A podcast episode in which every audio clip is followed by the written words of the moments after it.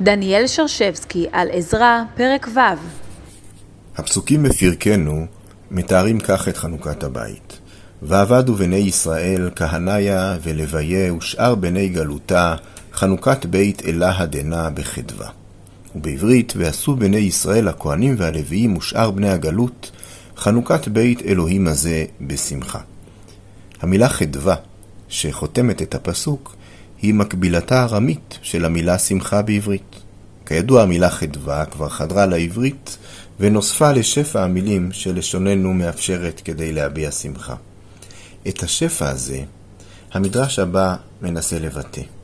ברקע המדרש, בשיר השירים רבה, נמצא הפסוק משיר השירים, מושכני אחריך נרוצה, הביאני המלך חדריו, נגילה ונשמחה בך.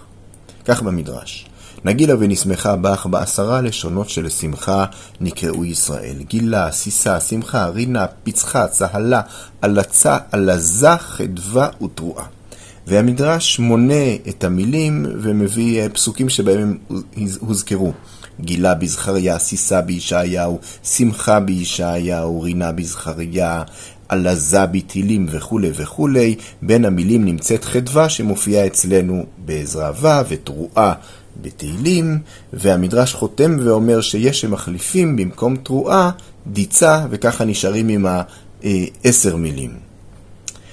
במעשה האיסוף העולז שלו, המדרש מצטרף לצמד מילות השמחה שמופיעות בפסוק בשיר השירים, וגורם לכך שבכל פעם שמופיעה מילת שמחה בפסוק אחד, היא מצטרפת לשאר המילים. ונוצר כאן מחול של שמחה, שבו כשאתה קורא מילה בספר עזרא, היא מצטרפת אל חברותיה, והחדווה, והגילה, והצהלה, והעלזה, ועוד ועוד מילים מצטרפות כיד העברית הטובה.